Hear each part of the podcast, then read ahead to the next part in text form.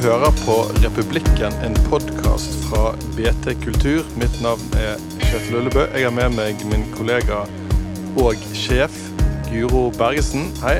Hallo. Og så har vi med oss to eh, gjester. Vi har med skuespiller, manusforfatter og regissør Frode Gjerløv, også kjent som Hingsten i Hope og Hingsten. Yes, hallo, hallo. Går det fint med deg? Ja, det går kjempefint.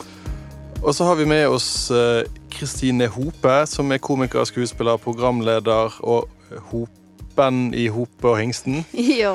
Jeg må innrømme jeg skjønte det ordspillet i sted. Gjorde du? Ja, Gratulerer med dagen. Det var litt seint. Noen er litt tregere enn andre. Hoppen og hingsten. Det er noen som liksom bare sånn Å, vet du hva, vet du hva? Ja, Det er jo eh, Ja, du er der, ja. Så jeg er en av de treige, da, kan du si. Ja, ja. Og så er du ikke minst uh, en av stjernene i serien Verdens beste SFO. ja. Nå- to, tre. Nå kommer en beskjed. Er det noen andre enn meg som har satt Verdens beste SFO? Mm, jeg har ikke sett det. Det Men jeg har derimot sett absolutt alle episoder av Symesterskapet, der Ja. Også er med. Ja. Verdens beste SFO er en eh, sånn serie som går, en barneserie da, som går på NRK Super, der hun er en eh, litt uansvarlig og litt kul leder på Verdens beste SFO. Så den, eh, den anbefaler jeg sterkt til alle våre lyttere. Så kjekt. Og, men ikke minst, kanskje det viktigste å si er at Kristine Hope har bursdag i dag.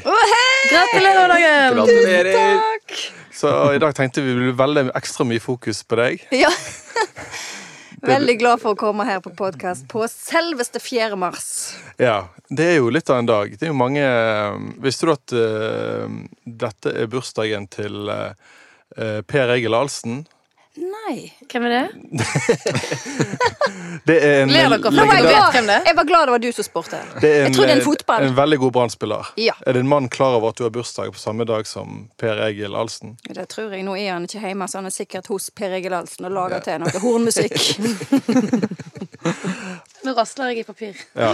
Skikkelig radiovennlig innpakning. Det var planlagt. ja vi må jo ha litt uh, Vi må jo ha litt kake. Eller muffins. Du kan velge. Hei, takk! Og så har vi med til dere òg, da. Men dere får ikke lov å Skal vi dele den? Nei. Dere kan velge. Å, så koselig. Og vet du hvem som ikke får? Meg. Vil du ha sitron eller sånn um, Hva er det for noe? Jeg har ikke peiling. Sjokolade. Er det valnøtt og kakao? Ja. takk det, Tusen takk. så kjekt, da. Bursdag. Det er faktisk andre gangen i Republikken sin historie at folk har bursdag i studio. Eh, og på et senere tidspunkt så skal vi spille inn podkast for min bursdag.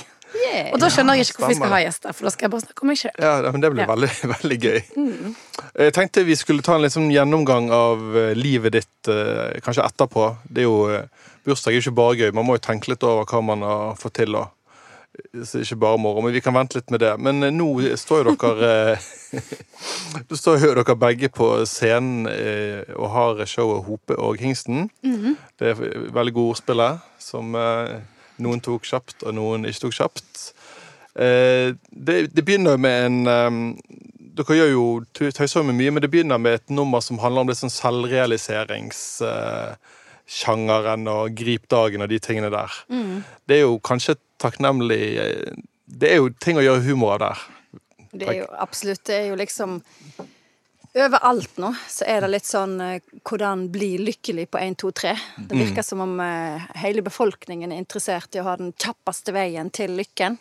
Trene riktig, spise riktig, ha, eh, reise på de rette plassene på ferie. Og så, så blir det egentlig bare stress istedenfor at du slapper av og, og koser deg og klarer å være i nuet, som jo er egentlig fryktelig vanskelig. Mm. Er det det som er oppskriften?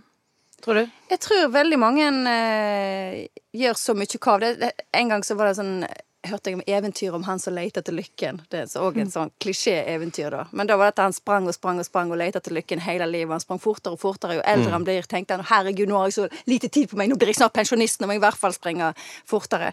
Og så ble han jo mer og mer sliten, og så måtte han slappe av og sette seg ned. Og så så, så han at det var en skygge bak han. Og da var det lykken som hadde gått Ja. med han hele veien. Men han hadde, han hadde ikke stoppa opp og så satt tatt seg tid til å se at det, lykken var der, fordi han stressa sånn. Det syns jeg er litt fint. Ja. Hva er din eh, oppskrift, for Frode? Nei, eh, jeg har ikke noe oppskrift. Jeg Jeg tror jeg er like forvirra som eh, den jevne borger. Vi får jo så mange beskjeder for tiden om hva som er eh, lurt å gjøre. ikke sant?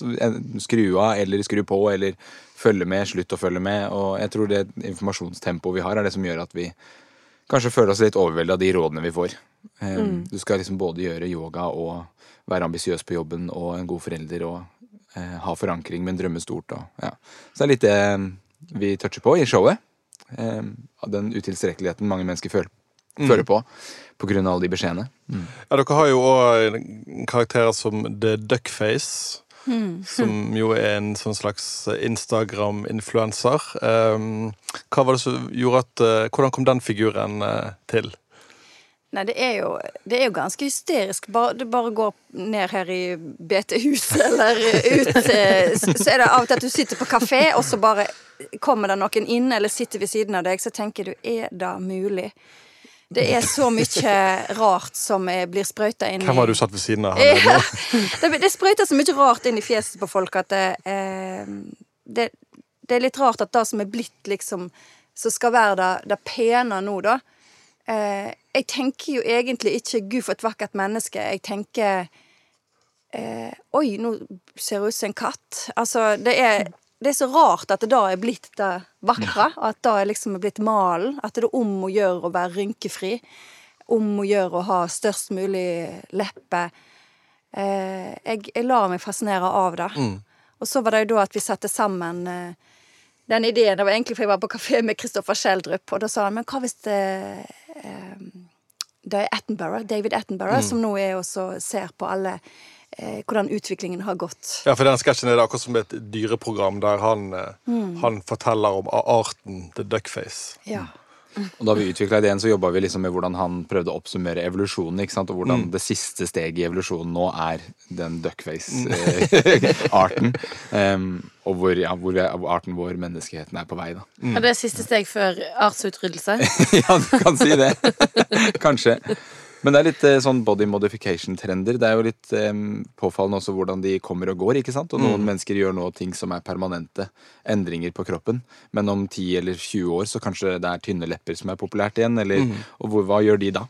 hva, hva man blir liksom sittende med. Så det er litt sånn, ja vi- Vanskelig Ikke så stor forskjell fra lepper til tatovering, eller Mm, Er det det? det er akkurat det. Så Det er jo veldig populært med tatovering nå også. Veldig. Men det er sånn som sitter på gamlehjem om eh, 30 år, så sitter de med sånne barberte Nei, barberte, sier jeg. Tatoverte, tynne øyenbryn. sant? Så sitter de på gamlehjemmen med disse her Det kan bli gøy. Jeg eh, traff en fyr som hadde sånn Tug Life på Knoken her forleden. En eh, småbarnsfar i mitt nabolag. Jeg tenkte det var veldig kul, litt kult nå. Litt rart å ha som småbarnsfar, men det blir jo ekstra kult på gamlehjem. Jeg tenker det der bare er fint. Det er jo bare levd liv, liksom. Ja. Alt er jo det samme som arr på knærne og Ja ja, kjør på. Men hvor er de karakterene dine dukker opp? Hva er det som liksom typisk eh, setter i gang noe som blir en Kristine Hope-figur? Eh, Det er jo Jeg har jo alltid likt å glo. glo. Så jeg har jo glodd hele livet og bare tatt inn alle inntrykk. Og så er det egentlig da jeg tar med meg, og så lager jeg eh, ganske eh, kari, At jeg eh, karikerer, karikerer livet, da. Sånn at det kan være noe gjenkjennende i det. Men jeg liker godt å gå ut i ytterkantene og gjøre det ganske tydelig. Har du, har du opplevd at bekjente er sånn Du, du Hvorfor Det var litt dårlig gjort. Trengte du liksom å ta meg inn i den karakteren der, eller? Nei, Er folk som kjenner seg igjen i det du gjør? Jeg tror, jeg tror mange kjenner seg igjen eh, i det. Og det, det er akkurat som du gjør en, eh, en karakter, og så kan noen komme og si at det er akkurat som en tante, eller det er akkurat som en, eh, ja, en lærer jeg hadde, eller Men eh, sånn som karakteren moren til Birgitte, for eksempel, som egentlig da er, er bygd litt på min egen mor, den, eh, der skjønner jo ikke egentlig hun sjøl at det er hun. Nei, Før du hører på denne podkasten. Da sier hun sånn Gud, det er mange som syns at jeg ligner meg. Ja, da, sier jeg, vet du. Så det er Ja, for det er jo pen penbergensk uh... Det er penbergensk. Men det er jo klart at jeg bare har tatt litt sånn måten å snakke på som mamma har, og så har jeg vridd det til. Ja. Men du, eh, hingsten, eh, Frode Gjerløv. Du er jo kanskje et litt eh, ubeskrevet blad her i Bergen. Hvordan, eh, hvordan, kom han inn i bildet? Um, vi møttes på Edinburgh Fringe Festival, som er eh, verdens største Ja. mm, kulturfestival. som hovedsakelig dreier seg om teater og humor. Kanskje du forklarer kjapt til eh, lytterne hva fringe betyr? Fringe, eh, direkte oversatt, så betyr det frynse. Eh, og det, på norsk så er det på en måte friteater. Ja. Og det er en friteaterfestival som starta som en protest mot eh, etablerte teatre før i tiden. Eh, jeg tror kanskje den starta på den tør jeg ikke å si helt sikkert 70-80-tallet en gang, kanskje. Og så har den blitt større og større, eh, og nå er det tusenvis av produksjoner fra over hele verden som reiser til Fringe-festivalen for å vise forestillingene sine. Og der har jeg spilt forestillinger flere ganger med mitt eh, kompani Superbolt Theatre, som eh, har base i London. Og så kom eh, Kristine med en gjeng med venner og kollegaer. Og så forestillingen Jurassic Park, som vi spilte i 2015 og i 2017. Du kom i 2017, tror jeg. Jurassic Park på scenen. Ja. Det høres jo eh, veldig gøy ut. ja, den Det kommer er til den kommer til, um, til Fringe-festivalen her i Bergen til, uh, i september. Ja, ok. På Corner-teatret. Ja, da fikk vi inn litt, uh, litt plugg. Men det er lov. Er ikke det lov? Men det var lov. I Det, tilfelle folk var er en relevant, plugg. Hvis man liker Jurassic Park, så kommer man til å like den forestillingen der. Uh, tror jeg. Håper jeg. Og så em, så så jeg at Kristine satt i publikum. Jeg kjente henne igjen fra oppveksten og frittgående hop sånn. Jeg har alltid vært fan. Mm. så sendte jeg henne en e-mail noen uker etterpå. Og så kom vi i prat om ting vi var interessert i å gjøre, og ting vi likte. Og skjønte at eh, her var det et mulig samarbeid. Hva var det som eh, Hva var det med, med han som gjorde at du tenkte at her Eller hva var det som fikk deg til å ville samarbeide med han? Nei, når Frode tok kontakt med meg, så skrev han egentlig at eh, jeg hadde eh, gått òg på Le Coq, som er sånn eh, klovneskole i Paris, Ja. som, er, som hadde liksom en forankring i den fysiske humoren. Og det er ikke så mange som, som driver med det. Nei. Og jeg, det syns jeg jo er veldig kjekt òg når jeg driver med karakterutvikling, og hvordan går denne karakteren, eller hvordan snakker og beveger denne seg, eller med Sånn som har for eksempel nå i forestillingen så er det min karakter Guiden Trygve, så da danser med med Frode i, utkledd i, i en gul frynsekjole. Og det er blitt et sånt eh, eh, morsomt nummer der du ser, ser folk bare sånn kaster seg framover og ler. Eh, og det er mm, var en av grunnene til jeg tror liksom at vårt samarbeid fungerer så bra. At vi kan gjøre alle de kontrastene og gå i ytterkantene, og vi kan ha, ha den felles forankringen i den fysiske humoren. Så begge dere har gått på klovneskole i Paris. Hva lærer man på klovneskole i Paris? Altså, Tenk at det finnes en klovneskole i Paris. Jeg har hørt jeg jeg, tror han eh, håper å si Ali G, han eh, Sasha Baron Cohen har gått der. Det er den kjente som har gått der. Han har gått på Gollier. Er en annen- en ja, det, er, det er flere klovneskoler i Paris. Paris har jo veldig, Frankrike har jo en veldig sånn stor klovnetradisjon. Ja, Ja, ja. Eh, og Le Coq, den som vi gikk på, er vel en bredere teaterskole enn de Ja, ok. andre. liksom. Ja. Men den har et, et veldig godt klovne på en måte, program. Det er en termin som handler om klovn. Ja. Men, men hvis noen av. Republikkens lyttere eksempel drømmer om å gå på klovneskole, hva, hva er liksom det viktigste dere lærte der? Mm. Kanskje, eller hvis jeg drømmer om det. det Kanskje For min del så eh, handler det Eller klovn, for meg så var den største åpenbaringen når det kommer til klovn, eh, logikken. At man må skjønne hvordan klovnen har tenkt. Og så må Ja. klovnen aldri være ekte dum. Men Mm. må være, man må være lur på en dum måte. Sånn at man ler av At man skjønner hvordan klovnen har tenkt, men klovnen tar helt feil. ja. Det er um, en av mine liksom, favorittnøkkelord. Hva lærte du på klovneskole, Kristine? Jeg lærte mye av eh, jeg husker Noe av det første de gjorde, var egentlig å skrelle av meg alt som jeg trodde jeg var god på. Seriøst! bare vekk med alt, fordi at du trodde liksom at eh, jeg, jeg kan forstå teaterlaget, vært på Romerike folkehøgskole, og i det øyeblikket vi gikk innpå og spilte situasjoner, så, så dette du, du gjør det du tror er bra. Men så skreller de på en måte av deg alt til å gjøre at eh, nå skal vi begynne helt på bunn, og nå skal du bare lære hvordan du ville reagert med å høre små lyder, eller hvordan du skal få deg, få deg ned til å være naturlig. Så da var, for meg var det et veldig sånn eh, eh, At jeg tok av litt sånn barnesjukdommer. Ja. Eh, som du Det er litt sånn med- liksom i militæret, man ser på sånne filmer Først skal de bryte det fullstendig ned, og så skal Ja. de bygge deg opp igjen. Ja, Skal de forme deg i sitt bilde, liksom? Ja, Ja. rett og slett. Men det, for du kan, liksom, du kan ikke være sånn pretensiøs og sjølbevisst på klovneskole, ser jeg for meg. For nei, det blir med alle da. Det er litt sånn som militæret, rett og slett. og Ganske strengt. Men du, eh, du eh, har base i London, der du jobber med ulike prosjekter. Kan du fortelle litt om hva du, hva du driver med der? Ja, nei, det, Da jobber jeg mest med teaterkompaniet Superbolt. Så Ja. vi utvikler prosjekter sammen. Vi er tre skuespillere som eh, skriver og utvikler forestillingene sammen. Em, og da, da vi lagde Jurassic Park i 2015, så ble det en hit på Fringe-festivalen. Og så har Ja. vi turnert rundt i verden med den siden Ja. den gang, egentlig. Så den har spilt mer enn 300 ganger. Em, Hvordan er Jurassic Park på scenen? Ble litt nysgjerrig her. Eh, da spiller vi faktisk en familie på tre fra sørkysten i England som har mista mora i familien, og hun var paleontolog. Eh, jeg Ja. spiller pappaen, og de to andre spiller mine tenåringsbarn.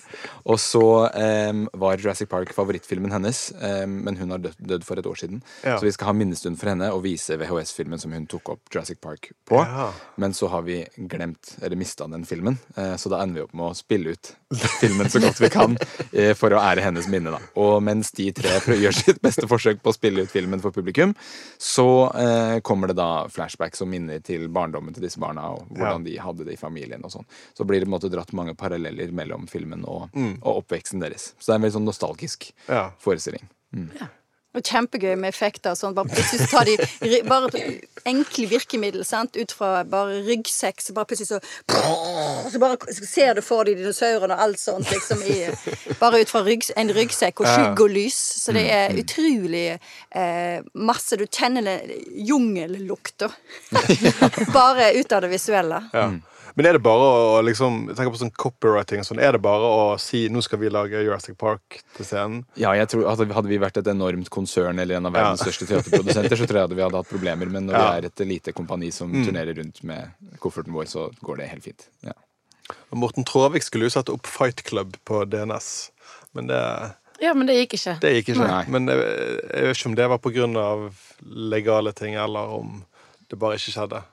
Er du, har med, du har jo flere folk å svare til når du skal gjøre ting på institusjonsteater. Ja. ikke sant?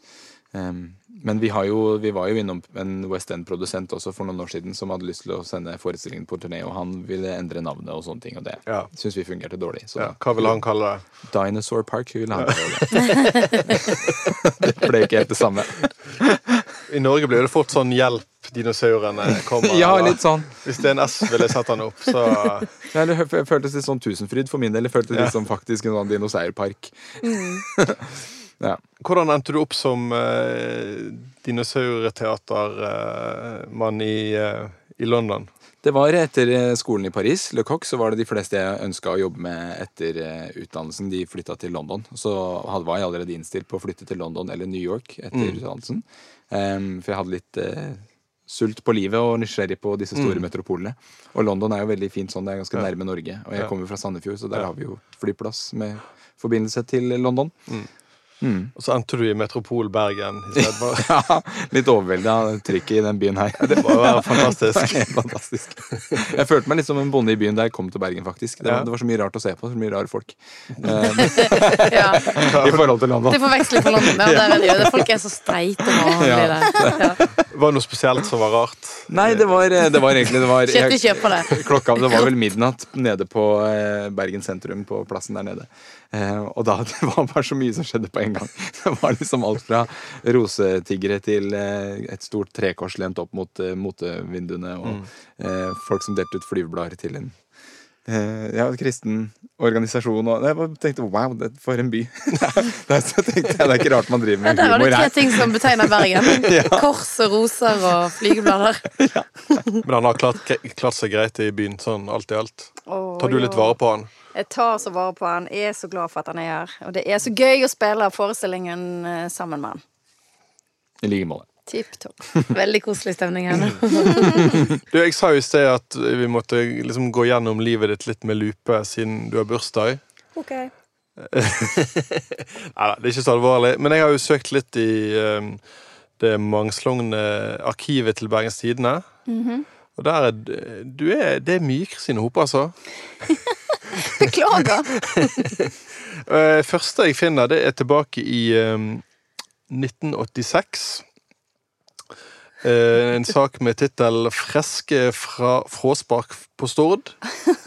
Uh, det er en eh, barne- og ungdomsteaterfestival. Du, kan- du kan få med deg dette hjem siden du har bursdag. ja. Jeg klarte ikke helt å se hvem som var deg på bildet.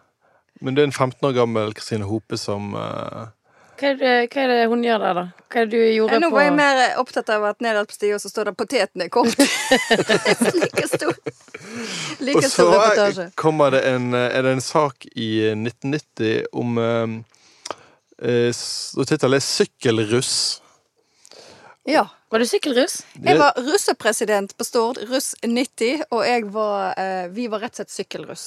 Ja. Og den russedrakten den har jeg hatt liggende, fordi vi skal jo liksom ha et eh, 30-årsjubileum snart.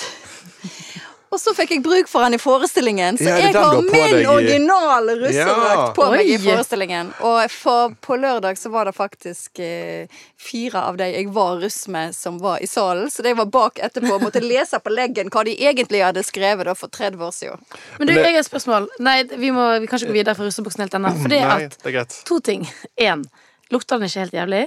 Og to, har den ikke gått i oppløsning? Nei, den har jo på en måte blitt eh, balsamert, da, kan du si. Hadde den i en plastikkpose, så den har holdt seg så bare, da. Ja. ja, for jeg måtte på et tidspunkt kaste min. Ja, men det, det, der har vi deg. Ja, det Har du russedressen din? Ja, den ligger hjemme, hjemme på barndomshjemmet.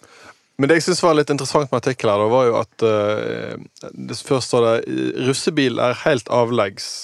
Det har russen på Stord gymnas for lengst funnet ut, og satser i år på raumalasykler.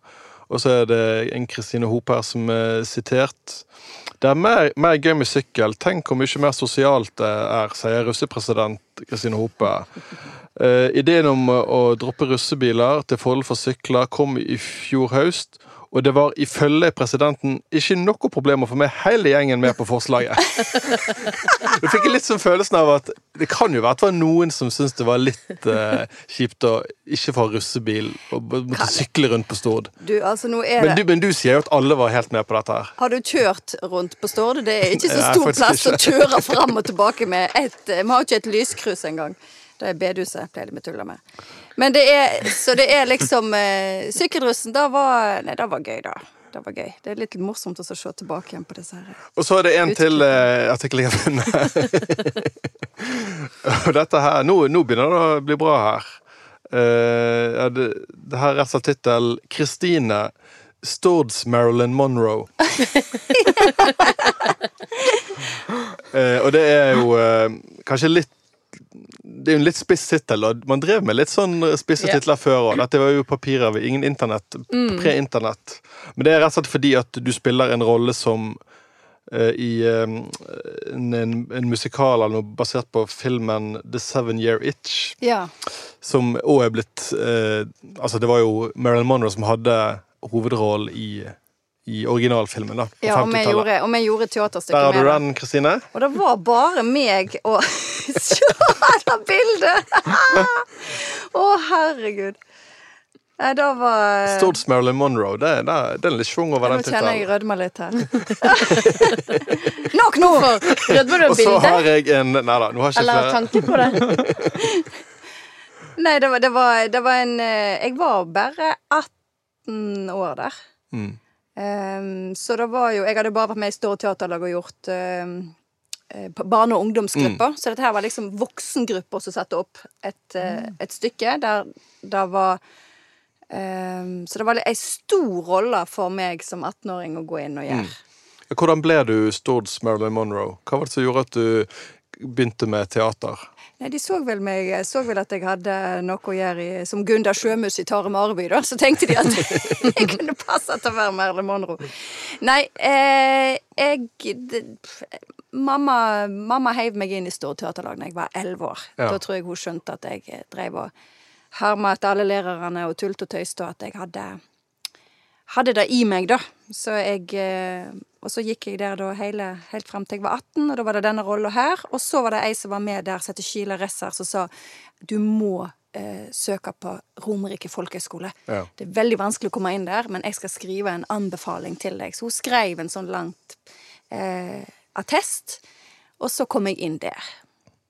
Hva var det som gjorde at du For du er jo eh, som komiker, så du er veldig fysisk i stil. Hva var det som gjorde at du John Cleese blir jo ofte nevnt i, i sammenheng med det. Hva, har gjort hva var gjorde at du interesserte deg for den typen av eh, humor?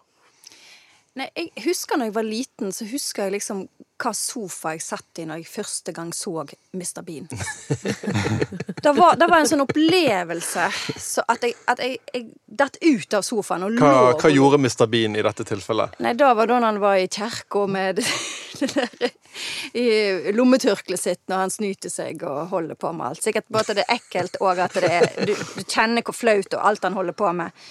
Eh, og, og når han var da med disse blyantene opp på, på skolen eller eksamen, eller hva det er han gjør. Eh, og før da så hadde jeg òg KLM, KLM eh, vokst opp med da, og eh, den litt mer sånn crazy humoren der. Mm. Eh, og til eh, ja, Lystad Mjøen og den gjengen som var så Veldig, men ikke fysisk, da, de gjorde òg. Og de spilte i fortfilm, og de var disse her prestene som var ute på eh, jordene, eller ting som skjedde. sant?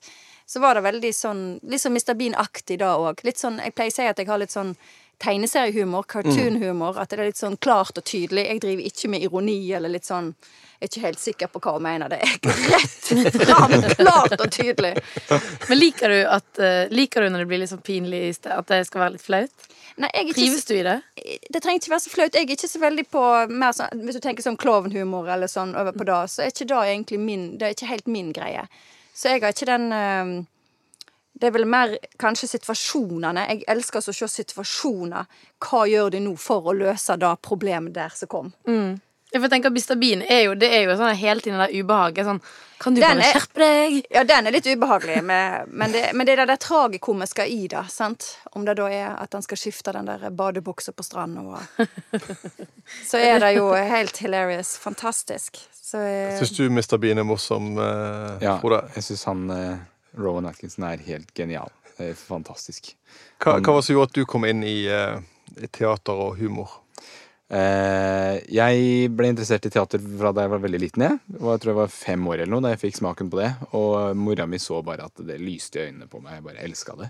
Um, så jeg, var jeg veldig heldig med en eh, flott lærer på kulturskolen da jeg var yngre. Der gikk jeg i ni eller ti år og fikk utfolde meg i hele tenåringstida. Det var kjempefint. Mm. Så det var egentlig da jeg var frelst, kan du si. halleluja. Halleluja. Hva skjer nå fremover, da, Kristine? Du er jo, du er jo en ekte skuespiller. Ja, Du har jo vært på den nasjonale scene og sånn. det har jeg. Hva, hva vil du satse på fremover? Humor, eller vil du litt tilbake til skuespill? Jeg elsker den blandingen. Altså, Og når vi jobber ut nå til dette showet her, så jobber vi ut mange av tekstene sjøl. Og da leter jeg alltid i det, etter det tragiske i det komiske, og det komiske i det tragiske. Jeg syns de henger veldig fint sammen.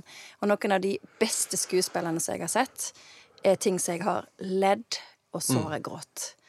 Jeg tror den, den miksen der blir jeg aldri lei av. Og det er jo som livet er. At det er, det er jo sånn det er.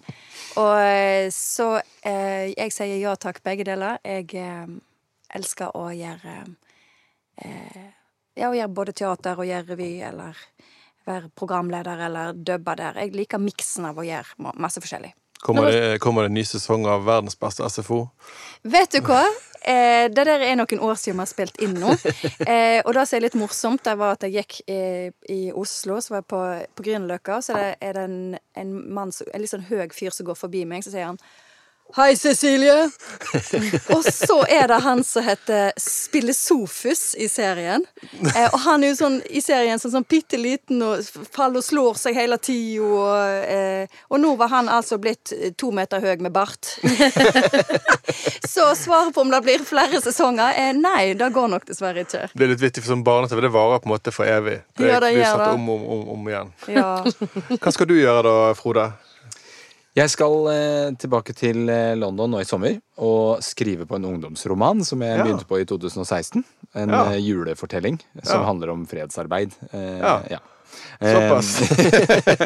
Så det er det jeg skal holde på med de neste månedene. Eh, men Superbolt skal også i gang med en forestilling til hvor vi skal utvikle, som vi skal utvikle nå i sommer. Mm. Som er en middagsforestilling hvor folk skal eh, gjennom eh, Matrix-filmene mens de Ja. spiser. ja. Jeg liker det konseptet der, altså.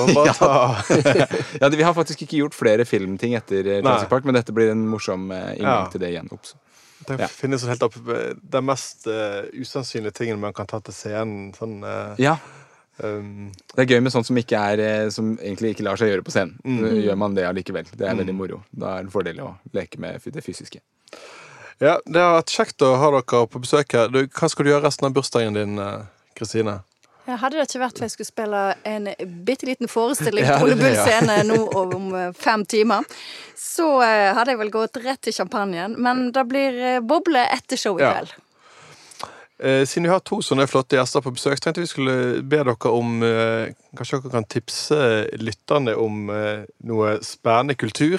Kanskje vi kan begynne med deg, Kristine? Har du et tips altså, til ikke lov å tipse om eget show. Nei, Nei. men jeg, jeg så jo at det er, det er jo ikke så mange jenter som har soloshow. Så Nei. jeg må jo da trekke frem at Sandra Spjelkavik har premiere faktisk i morgen på Lille Ole Bull. Mm. Og jeg heier på. Torsdag femte har han premiere, ja. Ja. Så da må jeg si er et uh, lite tips. Det må være lov å anbefale. Ja da, det er lov. Det er lov. Hun har vært gjest her før, og det, hva heter det showet nå igjen? Det heter sånn Rydde for egen dør? Nei. Heia for for egen dør. dør. Ja. Mm. Du da, Frode, har du et eh, tips til lytterne? Jeg er veldig nysgjerrig på Borealis eh, musikkfestival. Eksperimentell musikk. Eh, Ja. Som skjer litt på Kode og i Grieghallen og sånn. Mm. Har en venninne som synger i et kor som heter jeg kan kanskje ikke si det her, men F stjerne stjerne K Choir. Ja. Eh, og, Hva, sa du, hva var det du sa da? og de skal gjøre Det er litt eh, workshops og litt kurs og sånne ting. em, I tillegg til eh, konserter og gigs og greier. Så det er jeg veldig nysgjerrig på, og det ser ganske tøft ut. Borealis. Der skjer det veldig mye rart. Ja. Og spennende, antagelig. Ja, nei, men da um, Det var veldig bra. Eh, til slutt i Eller kanskje jeg skal takke alle sammen først. Eh, tusen takk til deg, eh, Kristine Hope. Bare Ha fortsatt fin bursdag. Takk for det. Takk til deg, kollega Guro. Takk til deg og Kjetil. Og takk til deg, Frode. Takk til deg, Kjetil. Eh, vi pleier å avslutte Republikken med noe fersk eh, bergensmusikk, og i dag skal vi høre litt rock. Bandet Slomosa ga tidligere i år ut singel 'Horses', en eh, meget sterk rockelåt, og nå kommer de med oppfølgeren 'There's Nothing New Under The Sun'. Eh, bandet har også fått eh, Marie Mo fra Rasika med som bassist. Her er Slomosa. Mitt navn er Kjetil Ullebø. Produsent for denne podkasten har vært Henrik Svanevik. Ha det bra!